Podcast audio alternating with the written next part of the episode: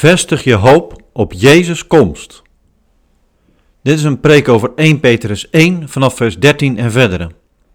Gehouden op Eeuwigheidszondag, de laatste zondag van het kerkelijk jaar.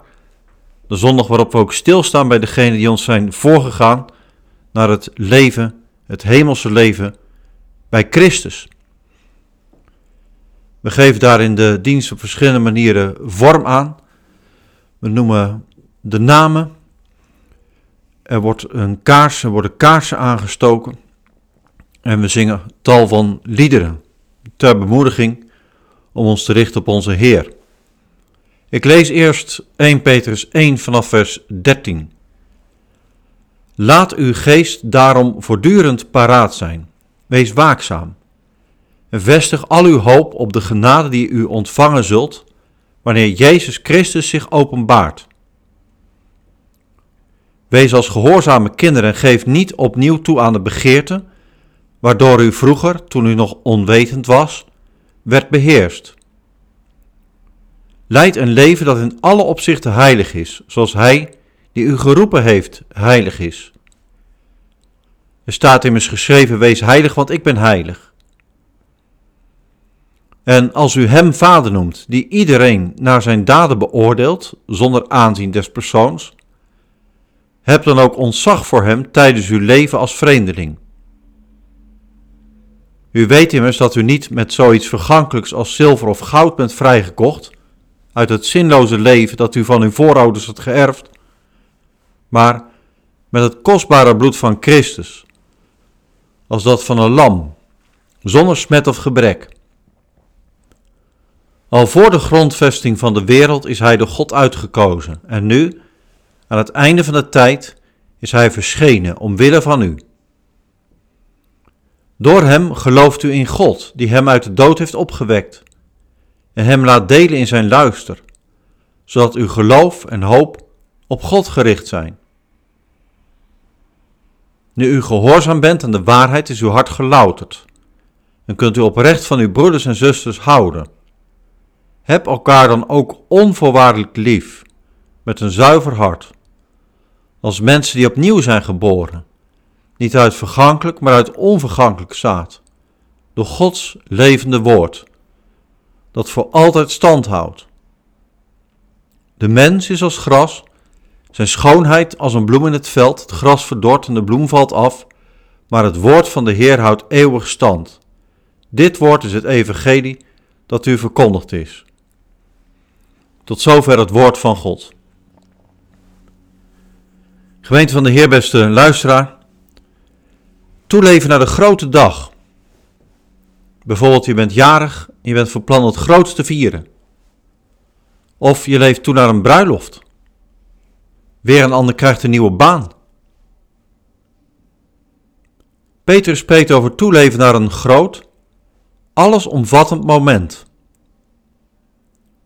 Hij zegt: Vestig al je hoop op de genade die je ontvangen zult wanneer Jezus Christus zich openbaart.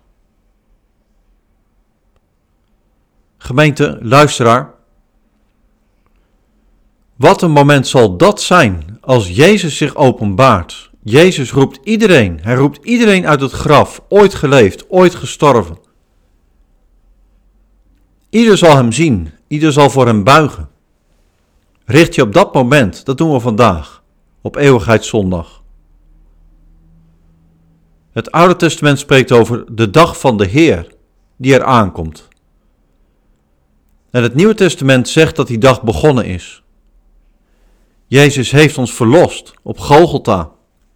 Peter zegt, we zijn vrijgekocht. En omdat Jezus leeft, is er hoop. Hoop als je te maken hebt met verdriet, met tegenslag, met depressie. Hoop als je verdriet hebt om wie er niet meer is. Als je de sterfelijkheid ervaart waarover Petrus beelden spreekt, de mens, zegt hij, is als gras en schoonheid als een bloem in het veld. Het gras verdort, de bloem valt af.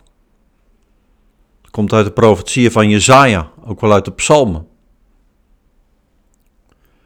Maar christelijke hoop is niet in de eerste plaats terugkijken op wat God gedaan heeft. Christelijk geloof is vooral uitzien naar wat komt. Als Jezus komt, maakt hij alles nieuw. Als je de brieven van Petrus doorleest, merk je dat hij daarop gericht is. En dat bezig zijn met Jezus' komst je leven stempelt. Laat ik een voorbeeld geven. Petrus zegt dat je door een goede manier van leven Jezus' naam bekend moet maken. En is het doel dat mensen, zo zegt Petrus, tot inzicht komen en God eer bewijzen op de dag dat hij komt rechtspreken. Zie je dat? Net zoals de psalmen dat doen, verschillende psalmen. Zo denkt Petrus vanuit het einde, vanuit de voltooiing van Gogolta en Pasen, Jezus dag. De dag van recht en bevrijding. En als je zo gelooft en leeft, krijg je ook het juiste zicht op God. En wij zeggen wel eens dingen als van ja, God is ja, ja, mijn lieve papa, mijn lieve mama, bij wie ik altijd terecht kan. Maar Petrus zegt, God is de Vader die ieder naar zijn daden beoordeelt zonder aanzien des persoons. Eén waarvoor je ontzag hebt. Die heilig is. En daarom jouw heiligheid en gehoorzaamheid vraagt. Vers 14, 16 en 17. Gods komst in Jezus is het richtpunt van het geloof. Petrus spreekt in vers 5 over de erfenis die ons wacht en over de redding die aan het einde van de tijd geopenbaard wordt. In de afgelopen eerdiensten hebben we stilgestaan bij de brief van Petrus, de 1 Petrusbrief. In het themadienst bijvoorbeeld over christen zijn op je werk en vorige week bij een jongvolwassenendienst over het jaarthema eenheid en diversiteit. En meestal lees je verder in een brief of in een boek. Je leest vooruit. Maar nu doen we het eens een keer andersom. We zijn in feite begonnen bij de praktische uitwerking, hoofdstuk 3. Hè, hoe je moet gedragen tegenover buitenstaanders. Hoe je met elkaar omgaat in de gemeente. En we lezen nu terug naar het eerste hoofdstuk toe. En dan kom je uit bij de bron. En dat gaat over de hoop die er is vanwege Jezus' opstanding uit de dood. Jezus is net zo sterfelijk geworden als wij, net zozeer gras, zoals Petrus dat zegt. Zoals jij en ik eens moeten sterven, zo is Jezus ten onder gegaan in de dood. Pas na Pasen, na zijn opstanding, hebben Jezus' discipelen begrepen dat Jezus zich op deze manier heeft opgeofferd dat hij, vers 19, een Pesach-lam was, geslacht, om voor ons te lijden, te sterven, om ons voor altijd bij God te brengen. Vandaag is het eeuwigheidszondag, het einde van het kerkelijk jaar. Het moment waarop we extra beseffen dat we sterfelijk zijn. Maar God heeft ons gevonden en verlost. We hebben het liedboek gezongen, gezang 90a, O God, die droeg ons voorgeslacht. Een lied gebaseerd op Psalm 90 van middelaar Mozes. Als geen ander brengt Mozes de nietigheid van ons bestaan onder woorden en zoekt hij hulp en troost bij God. Ook dat lied zingen we in de eredienst. Maar nu een vraag aan jou. Sta jij er wel eens bij stil dat Jezus terugkomt? dat helemaal vervuld wordt wat Mozes al bidt als hij vraagt in Psalm 90 of God zich tot ons keert. Hoe lang nog, Heer?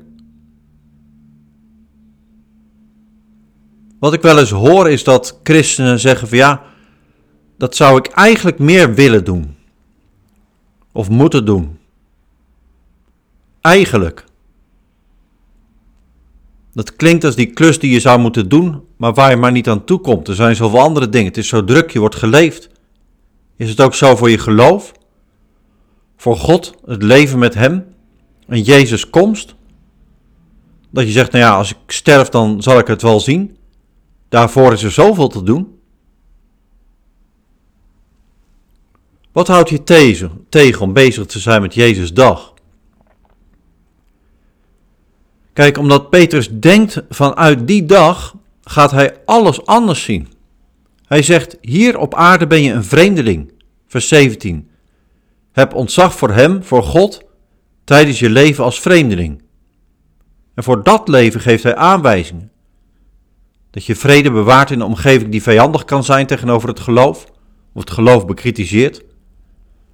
Dat je ontzag hebt voor de overheid, ook als die overheid jou als gelovige niet zou beschermen. Dat je in je daden laat zien bij Jezus te horen. Dat je je geloof uitlegt of verdedigt. Dat de verhouding in de gemeente goed is, ook tussen ouder en jongeren, 1 Petrus 5.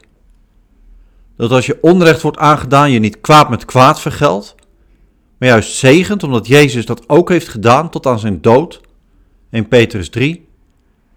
Dat je in je huwelijk goed met elkaar omgaat. Al die aanwijzingen staan in het licht van Jezus' komst. De dag van recht en genade. De tijd van het vreemdelingschap. Kijk, vandaag hoor je wel, houd je bezig met nu. En wat staat er op jouw bucketlist? Try before you die. Dat soort dingen. Dan denk je vanuit vandaag, vanuit jezelf, jouw plannen. Op eeuwigheidszondag leer je anders te kijken. Leven is als gras, zo citeert Petrus de profeten. Eén is onsterfelijk en werd mens als wij, zodat wij kunnen worden zoals Hij. 2 Petrus 1, vers 4. Wat is dit een bijzonder evangelie? En dat ervaar je juist als je geconfronteerd wordt met sterven, met verlies van mensen van wie je houdt. En hoe bijzonder dit evangelie is, merk je misschien nog wel het best aan mensen die niet geloven. Hoe vaak hoor je niet dat zij door een dienst die voorafgaat aan een begrafenis zeggen dat ze geraakt zijn? Geraakt door het getuigenis van gelovigen over troost van leven en het evangelie van hoop. En nee, dat neemt verdriet niet weg. Ook vandaag niet op eeuwigheidszondag, maar er is licht. Er is hoop in Jezus. Lees 1 Thessalonicense 4, vers 13 en verder.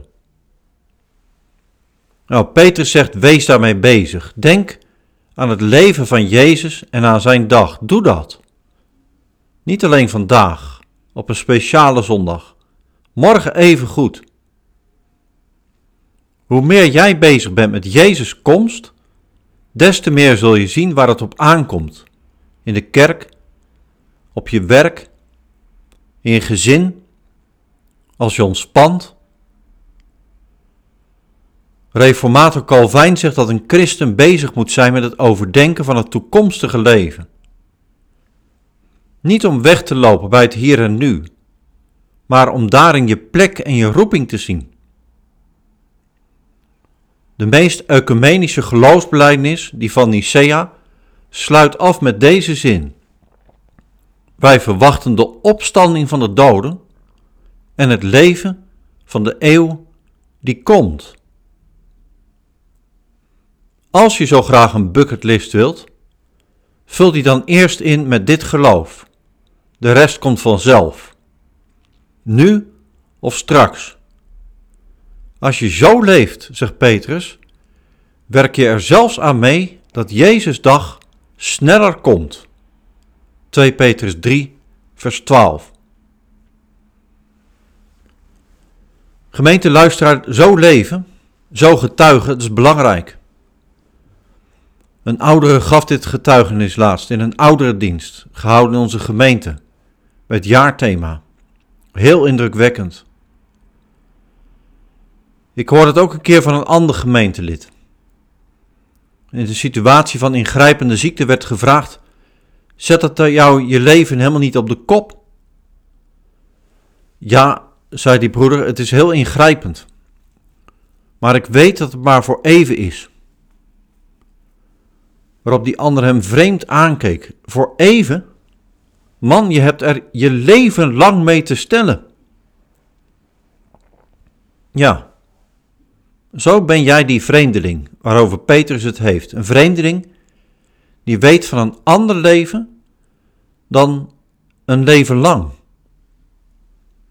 Je weet van het eeuwige leven dat God al voor de grondlegging van de wereld had bedacht en nu in Jezus bekend heeft gemaakt. Vers 20. Tot slot nog een bemoediging. Als Petrus aanwijst waarin het leven met de Heer concreet te zien is, begint hij over oprechte, onderlinge liefde in de gemeente. Dat je even natuurlijk van elkaar houdt als dat je om je zus of je broer geeft. Vers 22. Wat bijzonder dat Petrus dit zegt, want de dag van Jezus, dat is iets onvoorstelbaar groots. En ook iets onbereikbaars. Het kan morgen zijn, volledig of over 10.000 jaar. Maar, zegt het Evangelie, het is begonnen voor wie lief heeft. En die liefde die is er in de gemeente. Onderlinge liefde, meeleven, zoveel betrokkenheid. Zie dat, gemeente, luisteraar, als een teken van de aanwezigheid van de Hemelse Koning. Gemeente, luisteraar, weet je door Hem gezegend.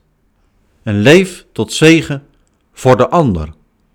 Zie uit naar Jezus' komst in majesteit. Amen.